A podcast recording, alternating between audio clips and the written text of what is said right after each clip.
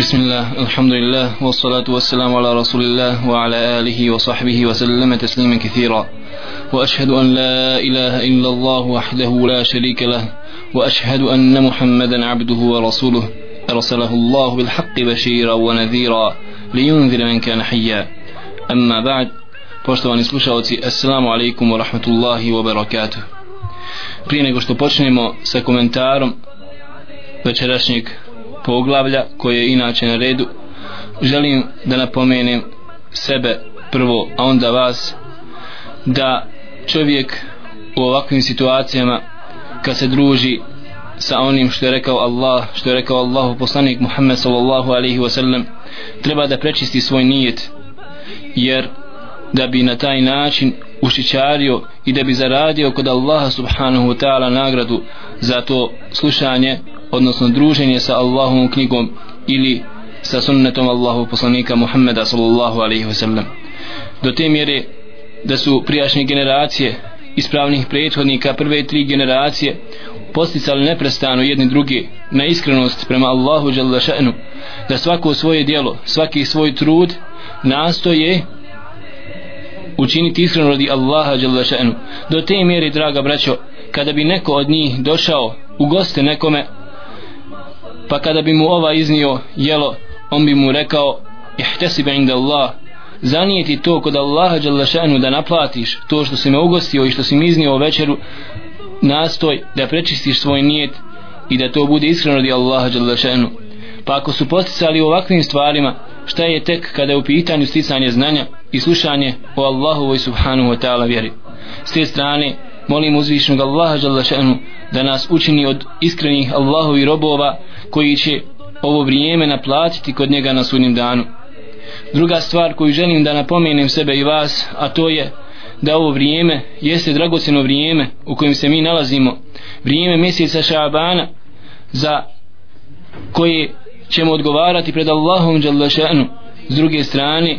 postićem sebe i vas da iskoristimo ovo vrijeme onako kako je Allahu poslanik Muhammed sallallahu alaihi wasallam ga koristio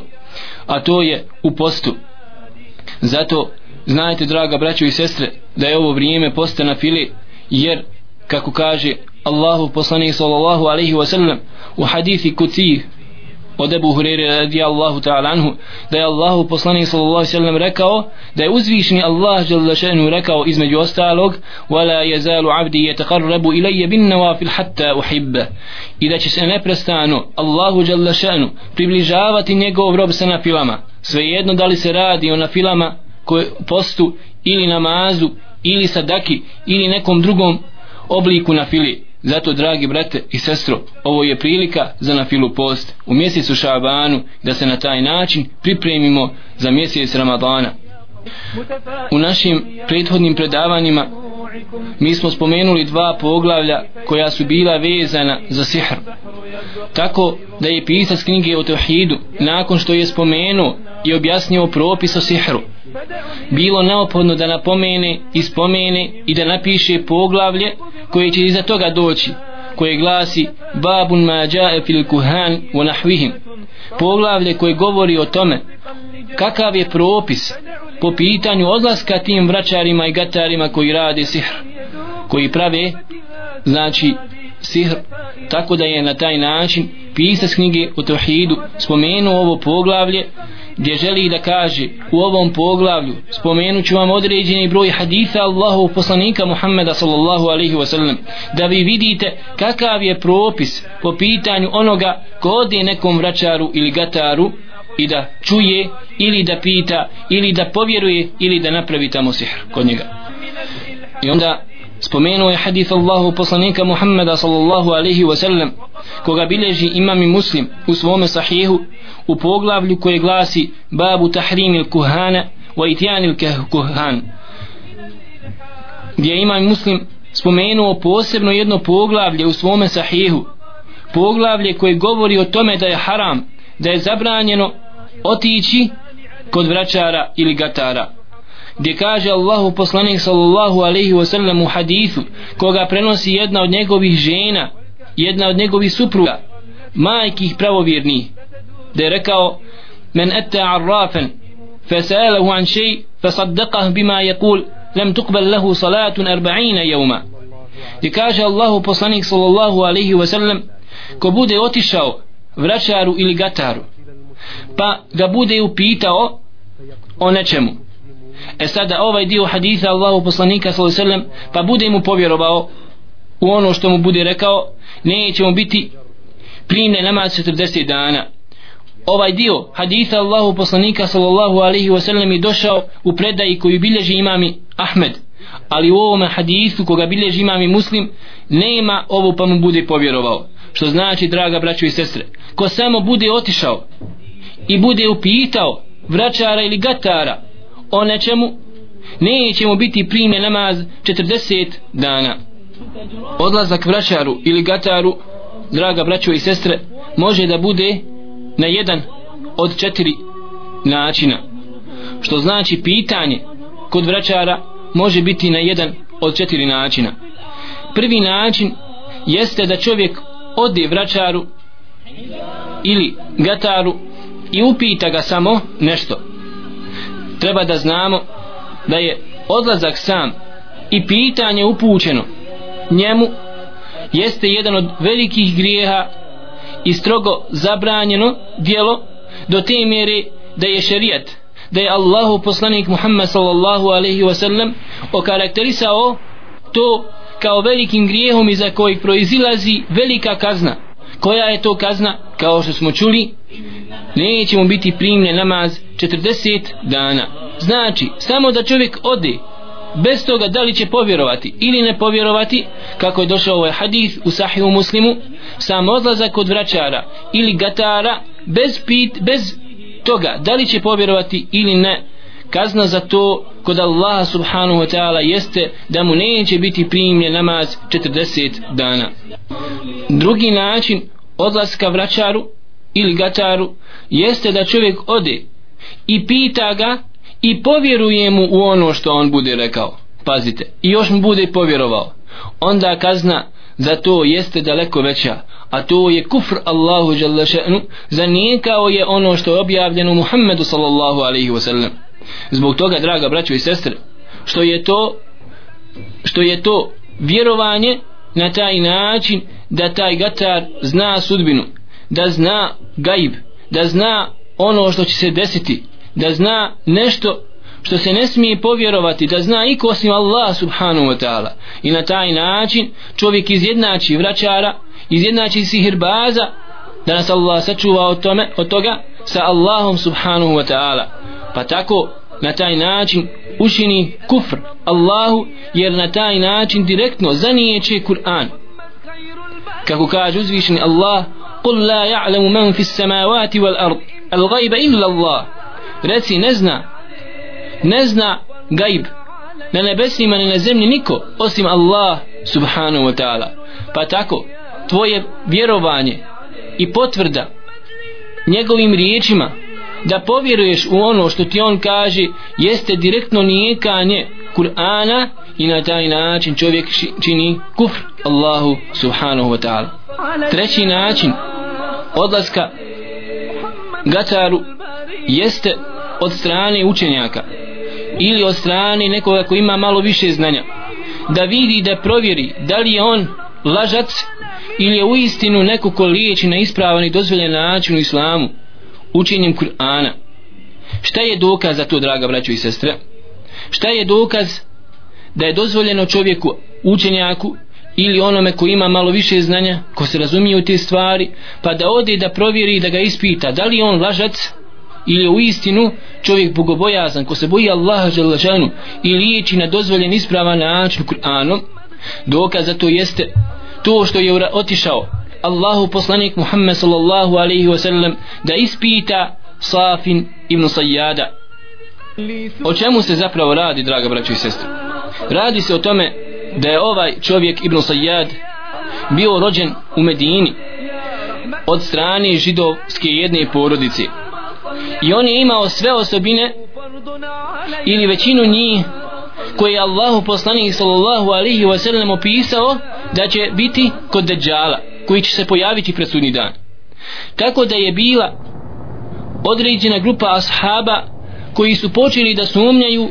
da je zapravo Ibn Sayyad u stvari Dejjal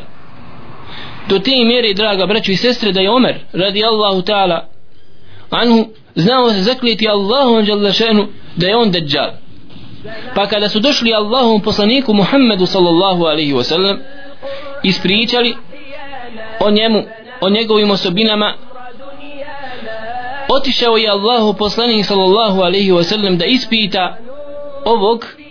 dječaka koji još tada bio dječak kada je otišao Allahu poslanik sallallahu kod njega. Pa je otišao zajedno sa Omer ibn Khattabom radi Allahu ta'ala anhu.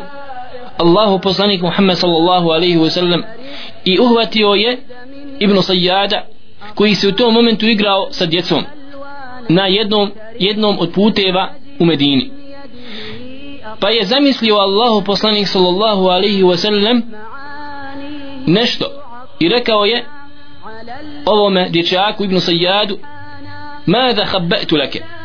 hajde obavijesti me šta sam ja to sakrio tebi. Šta sam zamislio? Pa je ovaj dječak odgovorio ad duh odgovorio je riječ duh. U stvari Allahu poslanik sallallahu alaihi wasallam je zamislio duhan dim. Međutim ovaj dječak je uspio samo dio riječi duh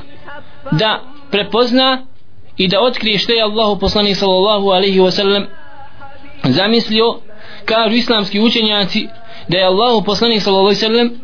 zapisao i napisao riječ duhan na papiru od palme, odnosno da je Omer ibn Khattab radijallahu ta'ala zapisao i dao Allahom poslaniku sallallahu alaihi wasallam u ruku. Tako da je uspio džin samo dijelimično dio ove riječi da prenese Ibnu Sajjadu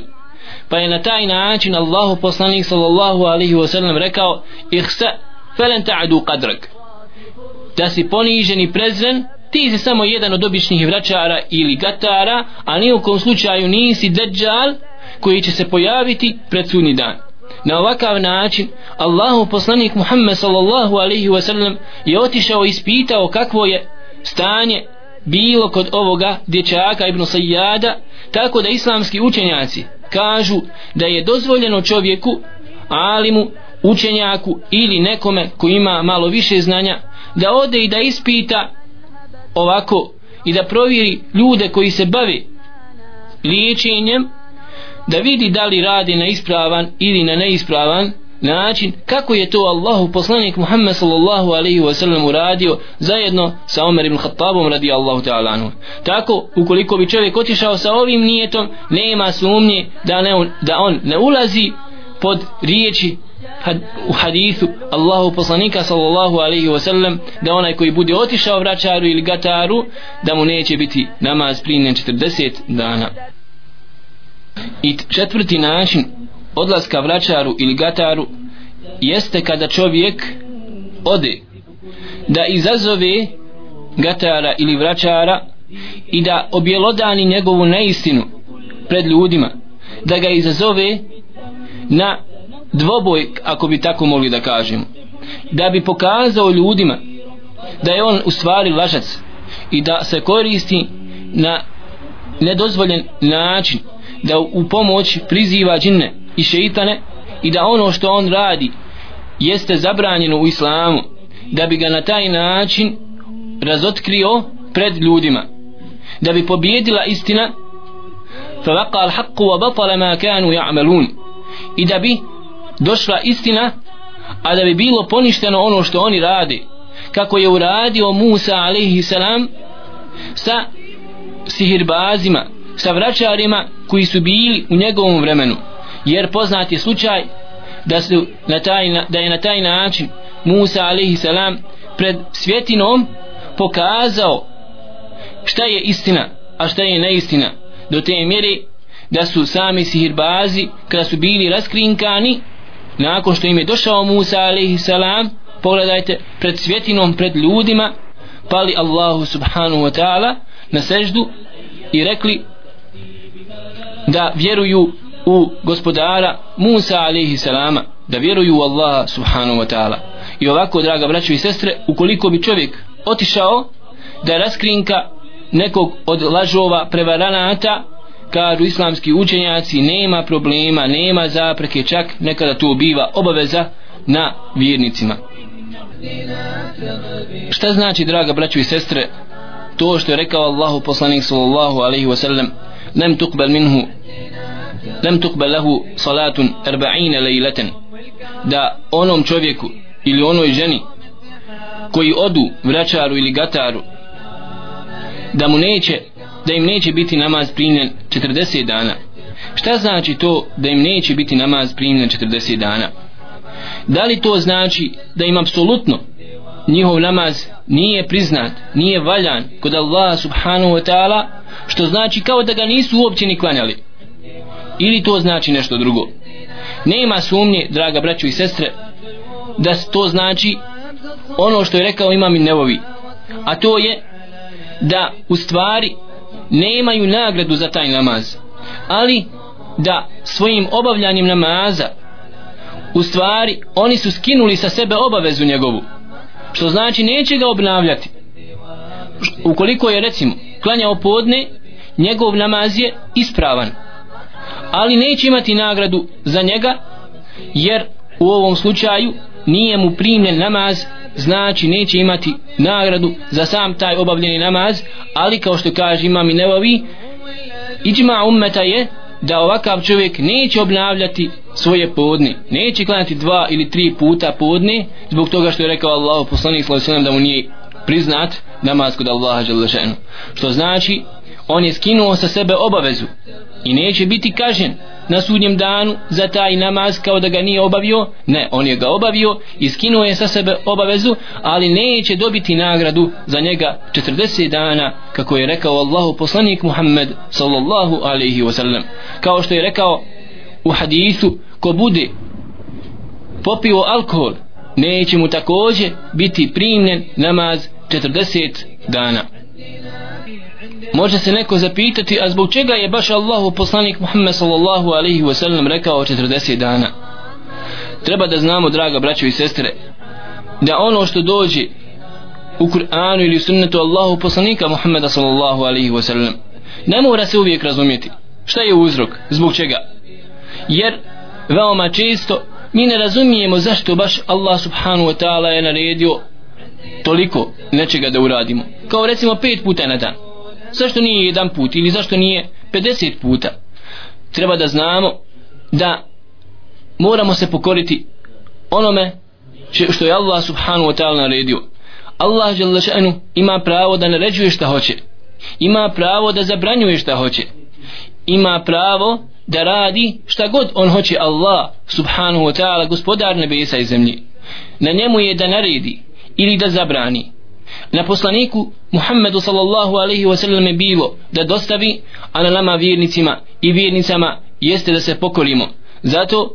ove brojke koje eventualno dođu u Kur'anu ili u sunnetu Allahu poslanika sallallahu alaihi wa sallam čovjek treba da zna da je to od Allaha i na njemu je da se pokori tome. Ovo sve do sada draga braćo i sestre govorili smo o onoj osobi koja ode kod vraćara ili gatara samo. Međutim ne povjerujemo a ukoliko mu povjeruje onda za nju važi drugi hadith Allahu poslanika sallallahu alaihi wasallam. Onda na nju se odnosi riječi Allahu poslanika sallallahu alaihi wasallam men eta kahinan fasaddaqahu bima yaqul faqad kafara bima unzila ala Muhammedin sallallahu alaihi wasallam. Ko bude otišao vraćaru ili gataru pa mu bude povjerovao ono što on bude rekao pazite pa mu bude povjerovao u ono što on bude rekao faqad kafara faqad kafara bima unzila ala Muhammad sallallahu alaihi wa sallam. On je zanijekao on je učinio kufr u ono što je došlo Allahovom poslaniku Muhammedu sallallahu alaihi wa sallam. Ovaj hadith bilježi Abu Davud u svome sunenu. Došao je hadith od Imran ibn Husayna radi Allahu ta'ala anhu poznatog ashaba Allahu poslanika Muhammeda sallallahu alaihi wa sallam da je rekao ليس منا من تطير أو تطير له أو تكهن أو تكهن له أو سحر أو سحر له ومن أتى كاهنا فصدقه بما يقول فقد كفر بما أنزل على محمد صلى الله عليه وسلم da je Allah poslanik Muhammed sallallahu alaihi wasallam rekao nije od nas onaj koji bude vjerovao u praznovjere kao što je praznovjere po pitanju određenih životinja, ptica poput zvukova sove ili svrake i tome slično ili crne mačke i ostali drugi sujevjerja kao što nije od nas kaže Allahu poslanik sallallahu alaihi wasallam onaj koji bude nasjeo na ovakva sujevjerja takođe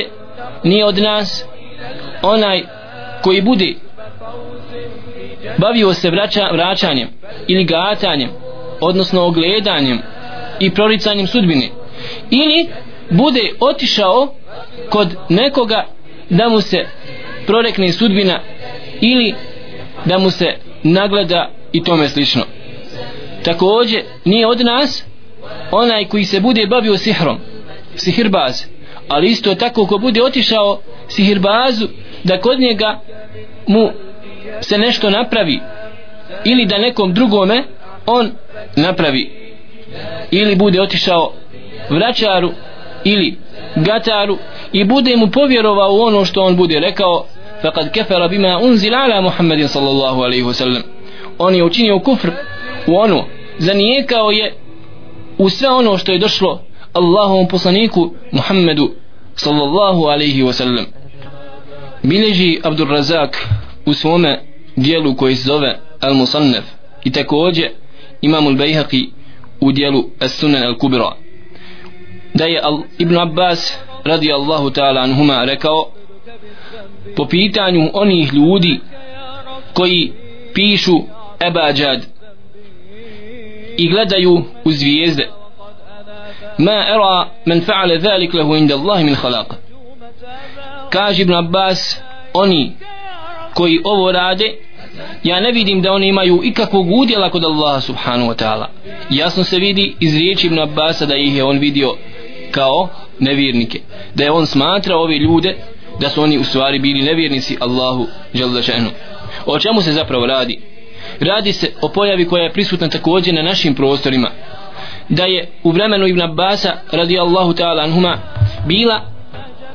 poznata ova nauka. Kažem nauka koja je i na našim prostorima ovdje prisutna gdje sam lično vidio određene te knjige svojim očima baš ovo o čemu Ibn Abbas radijallahu ta'ala anhuma govori. I to mnogi od onih koji imaju kod sebe zapise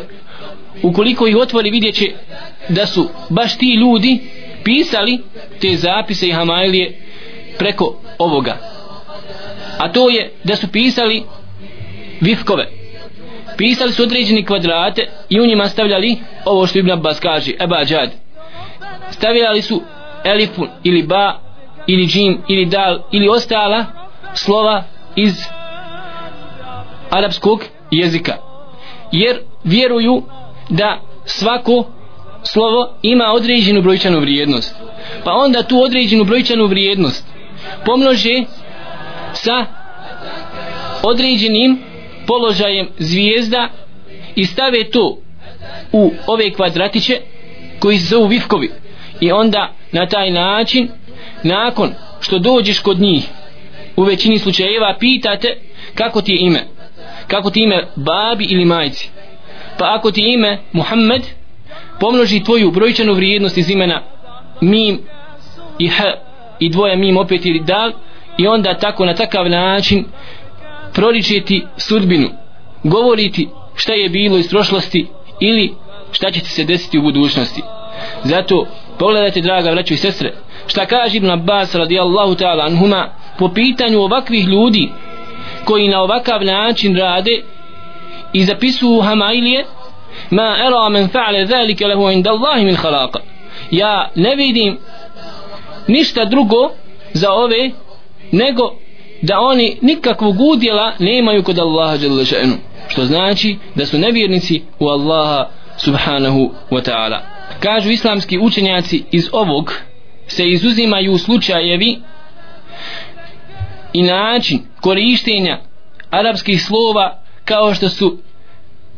mnogi oni koji su pravili džamije radili gdje su koristili u stihovima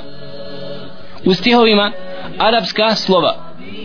Jer kako smo rekli svaki harf ima svoju brojčanu vrijednost. Tako da su oni recimo sastavili u stihu određene poruke određeno značenje a kad u stvari ti pretvoriš taj stih u brojčanu vrijednost vidjet ćeš vidjet ćeš da u stvari tu se nalazi ime onoga koji je napravio tu džamiju. Ili veoma često godina ili mjesec kada je ta džamija napravljena. I dosta naših starih džamija je urađeno na ovakav način gdje ćete vidjeti natpis stih ili u tom smislu na arapskom jeziku iznad vrata. Napisan gdje u stvari on u sebi sadrži godinu i mjesec čak i datum kada je ta džamija sagrađena. Ili čak koji je bio izvođač odnosno koji je sagradio. Tako da kažu islamski učenjaci to se ne kosi ni u kom slučaju sa islamskim propisima to je dozvoljen način korištenja arapskih slova da bi na taj način pokazao svoju o, duhovitost odnosno inteligenciju jer to su samo bili veliki umovi koji su uspjeli sastaviti stih na arapskom jeziku i taj stih je u sebi sadržao ovo što smo rekli kroz brojčanu vrijednost harfova sadržavao je u sebi godinu i mjesec i datum kada je napravljena dotična džamija.